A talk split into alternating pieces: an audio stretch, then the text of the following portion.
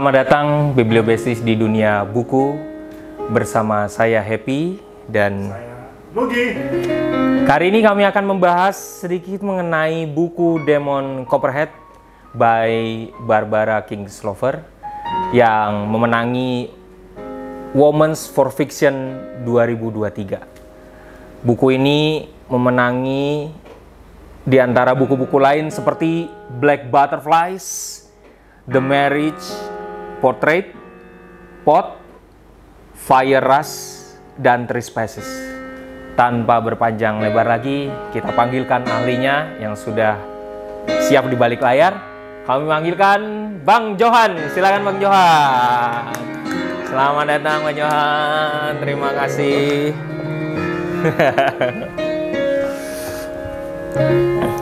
Terima kasih atas kehadirannya Bang Johan. Eh, Bang Johan ini seorang eh, vlogger yang sangat eh, luar biasa membantu kami eh, di bal- eh, di belakangnya perimin-periman ya. Ya. Banyak menuliskan soal-soal buku tentang di blog gitu. Nah, hari ini kita khusus membahas mengenai buku Copperhead. Iya. Demon. Demon Copperhead. Copperhead. Chopper atau Copper mas? Oh, iya. Saya, Eh, kalau saya sih lebih nyaman chopperhead. Copperhead ya. Chopper ini bukan chopper motor ya. Bukan, bukan. Chopper Motor-motor chopper itu motor-motor yang digunakan anak-anak skena itu. Iya. Jadi- skena nih. Jangan Iya. terlalu ngeri. Eh skena apa sih? Skena tuh sebenarnya kalau awalnya kok mah bahas skena ini ya. Kalau skena tuh kalau saya pertama dengerin tuh itu tuh dibawain lagunya oleh anak-anak dari Bandung, anak-anak metal Bandung. Salah satunya ya di liriknya ini kalau nggak salah. Siapa tuh band metal? Yang ah Oh, di Burger di Burger Kill salah satu lagunya ada menyebutkan skena kemudian sampai sekarang menyebar. Kalau secara pemaknaan skena tuh kumpulan anak-anak band oh, oh. circle circle band apalagi band-band kecil tuh kan berawal dari lingkaran-lingkaran kecil dulu tuh sebelum dia naik ke permukaan nah pergaulan anak-anak band sama anak-anak yang sering membahas band ini sering dikatakan sebagai anak-anak skena Anak bukan bukan anak-anak liar gitu, anak Nah, band liar bukan ya. Untuk Iya. membahas berbagai lagu. Kalau ah, kalau dulu sih menurut saya itu bagus-bagus aja ya, karena pendiskusian pendiskusian lagu-lagu ini tuh lagi yang lagi naik tuh genre apa toh no? dan Oh. misalkan daerah mana yang lagi produktif nih gitu. Kalau dulu tuh buat pendiskusian seputar permusikan di Indonesia skena tuh, tapi sekarang kayak sekedar ajang ini loh, adu style, Aduh style ya, Heeh. gitu. Bahkan nggak tahu lagunya. Ya yang sering terjadi sih, aku nggak tahu bandnya apa, nggak tahu lagunya apa. Tapi yang penting aku nongkrong di sana cuman sekedar gaul. Nah, kebanyakan sih gitu. Makanya yang Iya. makanya yang sekarang lagi naik kan keburukan-keburukan skena tuh diangkat gitu loh. Nah, Padahal sisi baiknya sebelum-sebelumnya tuh cakep. Keburukan skena. Coba deh, Sen. Nah, keburukan skena kan Mandi nggak mandi gitu. Man. enggak, cuman Oh itu rambut gimbal loh, berarti mandi nggak mandi. sekarang dijadikan kayak gitu loh, apa kayak budaya populer. Oh. Cuman sekedar Fashion. Saya cuma sekedar style fashion. Kalau aku sana, ih jadi anak gaul aku. Gitu. Oh. Jadi nggak nggak memahami apa esensinya, cuman sekedar nimbrung. Oke, kita kembali ke laptop ya. Kita kembali ke laptop ya. Coba ya, coba beda ya ini ya. Barbara. King's Lover. Barbara King Barbara Kingslover. Nah, ini menariknya gini. Ini kan sebagai pemenang Women's for Fiction ya. Iya. Pulitzer. Ah, Bukan Women for Fiction. Beda, Kalau beda. Di Pulitzer. Pulitzer. Kalau di Pulitzer Prize dia masuk shortlistnya. Oh, shortlist. Shortlist. Tapi kenapa sih sejarahnya kurang lebih tentang Women's for Fiction kayaknya eh, Bang Yohan nih Oh, tahu. Menarik itu kalau Women for Fiction tuh. Jadi pertama kali itu mereka kumpul pada tahun 92. Karena respon dari waktu itu Women Man sebelum ada Pulitzer Prize itu kan penghargaan men apa? main itu ya. Penghargaan Pulitzer Prize Man for Fiction itu nggak merespon Oh kebutuhan nggak merespon apa nggak memasukkan wanita dalam shortlistnya maka dari itu Oh, I see, I di- see, I see, I see, I see. pada tahun 92 di London itu tuh berkumpul para agen penulis, jurnalis. Agen penulis itu gimana? Agen penulis itu jadi kayak manajemen dari penulis. Agen penulis itu semacam misalkan Agensi. Kalau artis tuh punya manajemen kalau Ya, Ya. gitu.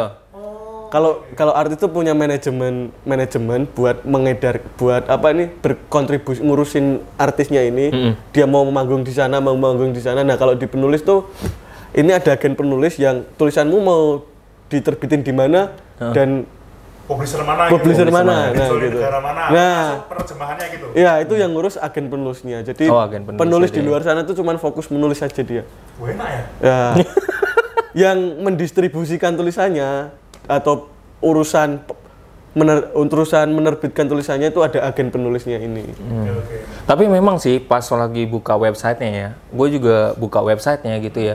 Emang unik banget ya. Selain di dalamnya tuh kayak fokus pada buku-buku perempuan ya, kayaknya seperti gitu ya. Dan Buku perempuan atau buku penulis perempuan? penulis perempuan ya kayaknya ya. yang Gitu ya. yang di mana Yang di Women's for Fiction ya. yang kalau di Women for Women for Fiction Press itu khusus penulis perempuan Iya, gitu. Nah, kita langsung masuk berikutnya ya, Mas Johan nih. Kita Demon, Demon Chopper Chopperhead. Head. Gitu. Kira-kira Ini kisahnya siapa sih? Iya. Si Demon itu, Demon itu siapa? nah Itu nama orang atau nama daerah? Demon tuh sebenarnya anak nama orang nama orang Oh. jadi ceritanya dia Demon tuh dilahirkan dari seorang yang miskin dari ibunya itu masih remaja hmm, dan pada masa dikandung bapaknya ini udah meninggal hmm. ibunya tuh pecandu narkoba Ber. ibunya pecandu narkoba mereka hidup di pegunungan Appalachian Virginia daerah Virginia Amrik gitu ya. Ya. iya Amrik yang anak Amrik mana? Ini style style keluar banget gitu ya. pokok Amerika, Amerika pinggiran lah Amerika Amerika pedesaan bagaimana mereka merasakan kemiskinan tuh kita bisa merasakannya juga ketika membaca Demon Chopperhead Oh, Demon Chopper. Aura kemiskinannya itu nampak dari apa? Makanannya tidak Iya, menentu, rumahnya. sehari sekali, se dua hari sekali, atau nampak dari bangunan yang reot. Iya, bangunan nenek. dari kebudayaan dari rumah Oke. kan kebudayaan orang miskin di sana tuh sangat Budaya. ya Biasa orang miskin.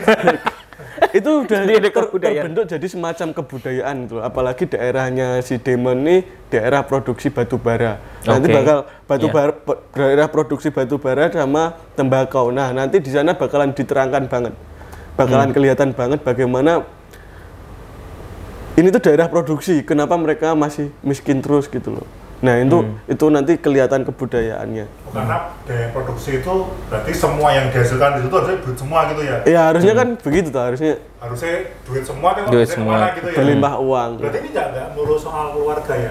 Ada ada trik politik mungkin ya. Ada, Ada. ada. Dan nah nanti menariknya di situ. Cuman sekadar kerangkanya tuh kerangkanya di keluarga yang miskin, tapi itu kritik sosialnya nanti tuh melebar gitu loh. Kritik sosialnya melebar Oh, ya. oh, Jadi- melebar sa- melebar ke departemen yang ngurusin anak, departemen sosial yang ngurusin anak, Wah. sama lingkungan kerja. Bagaimana daerah daerah produksi bisa menghasilkan masyarakat yang miskin itu kan jadi pertanyaan besar. Itu kritikan sosial juga. Tapi jangan terlalu banyak spoiler soalnya Oh bahaya iya, juga. maaf, maaf. Nah, saya nih, Mas Evi- Mas Evi nyambung nih. Demon itu kan setan Mas ya. Iya. Nah, ini kenapa? Apa karena anak nah, Anak setan. Bukan, mana mana ini tuh pernah disebutkan bahwa rambutnya si anak tuh merah merona loh. Oh, gambarannya. terbakar. Nah, makanya itu dia dinamai demon. Kayak Hellboy gitu ya. Eh, iya, kalau Hellboy kan lagi tandungnya lagi itu dia langsung kebakar kan. gitu. ya Sambil kurang api. kurang kurang lebih kayak Hellboy itu. ya, Oh, merah jadi merahnya. jadi ada ada dari judul sendiri ada ada kaitannya ya gitu ya, ada kaitan. Tapi eh, kembali ke bukunya sendiri. Eh, ini kan ada penulisnya kan Barbara Kingslover. ya. Sepertinya kalau gua lihat di website ini udah kedua kali loh dia menang loh. Dua kali. Eh, Ya. Jadi buku sebelumnya Sebelumnya tuh pada tahun 2010 dia juga memenangkan penghargaan ini Women Iya. Prize for Fiction tahun 2010 dengan karyanya yang berjudul Lacuna. Lacuna. Lacuna. The Lacuna. The ya. Lacuna. tahun 2009 kalau nggak Oh, salah iya, ya. tahun 2009. Eh 2009 ya. Tahun 2009. 2009. Nah, terus tapi aku baca juga ini dengar-dengar ya, dengar-dengar Bang Joni. Dia terinspirasi oleh buku novel lain kayaknya. Kuno. Ya dia menyebutkan beberapa tahun tuh di YouTube ya teman-teman bisa melihat Oh, iya. beberapa tahun tuh dia memuat keresahan dan ketika dia merenung tuh kayak seakan-akan bukunya Charles Dickens yang berjudul Charles Dickens. Charles ya. Dickens yang berjudul David David Cop apa ya? David Copperfield. David Copperfield. Copperfield kayaknya. David Copperfield itu tuh seakan-akan menghampiri dia gitu loh. Menghampiri dia di sebuah ruangan, kemudian dia membacanya dan terinspirasi itu. Oh. Dia memutuskan untuk mereimagining, memvisualisasikan ulang karya Charles Dickens itu ke dalam Demon Copperhead gitu. Tunggu, jadi kayaknya buku berarti dia baca dulu buku David Copperfield-nya itu, terus kemudian dia buat ulang kali mungkin Ya, gitu ya. Oh. kurang lebih seperti itu reimagining. Oh, ini. Dia menyesuaikan apa yang dibawa oleh Charles Dickens di bukunya David Copperfield.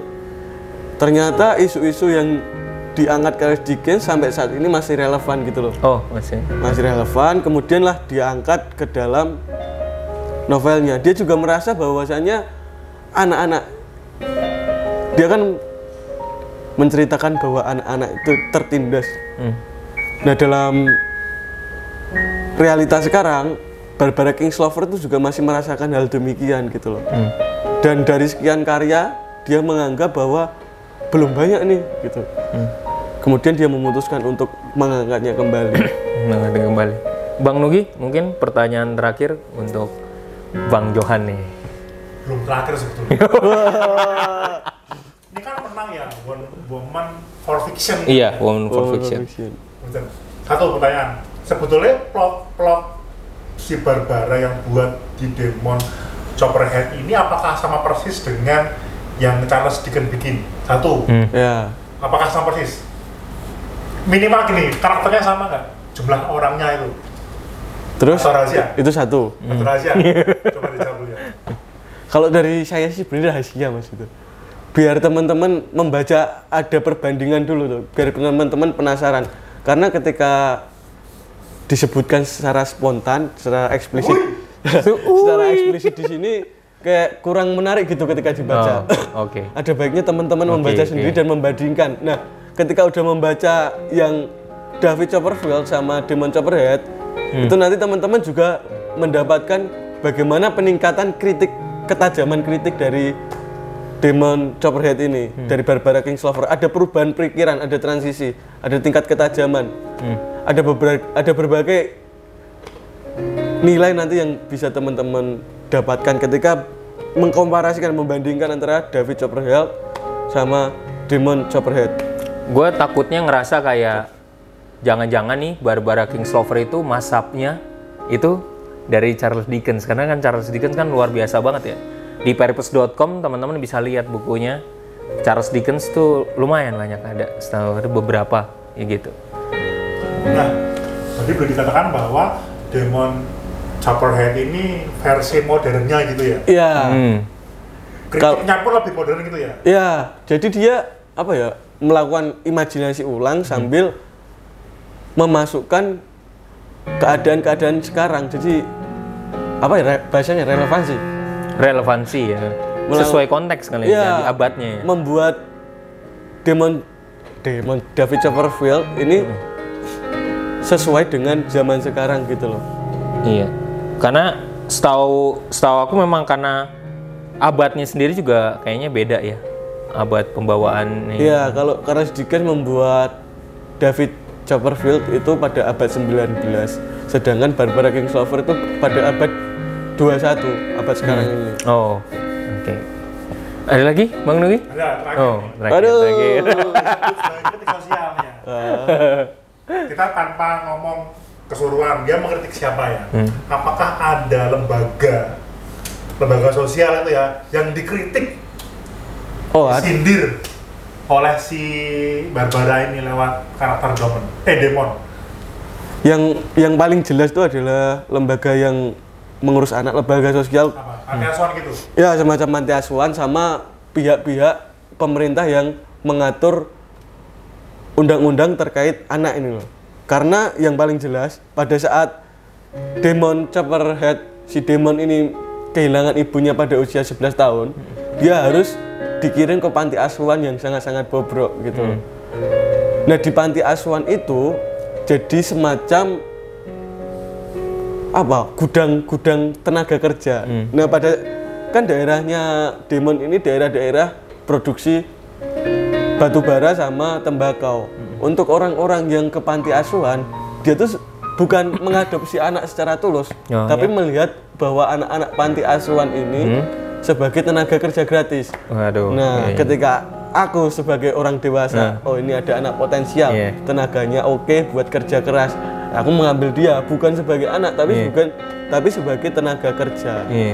Nah, itu itu kritikan menurutku kritikan yang sangat keras untuk lembaga sosial semacam itu panti asuhan. tapi lembaga itu Bisa. ada atau sebetulnya ya ini imajinasinya si Barbara aja Itu ada sebenarnya. Kalau di abad 19 itu memang benar-benar ada. Di- itu kayak Hmm, outsource kayak gitu orang ya. outsource banget ya itu. Iya. Anak panti asuhan. gue jadi inget eh, itu aja kayak eh, di beberapa film yang anaknya nih di di outsource gitu di rumah. Jadi nanti kalau mau ketemu tamu yang itu nanti mereka udah disediain baju, mereka pakai suruh manis-manis abis itu masuk ke mesin. Cuma Gundala juga Ya kan? Gundala Gundala kan si siapa tuh namanya itu iya si Pengkor Pengkor ya. Pengkor juga sama Oh. Nggak Gundala Belum, belum nonton. Wah, harus Wah. oh, harus lihat harus nonton nih Gundala. Gundala Pengkor. juga si Pengkor itu kan dititipkan di panti asuhan Iya. kan ya yang yang saya lihat ya terus Hmm. semua anak panti itu jadi kayak anak eh, si Pengkor semua sih ya saya bayangkan mungkin sama ya Hmm. Nah, sih sebagai sosial.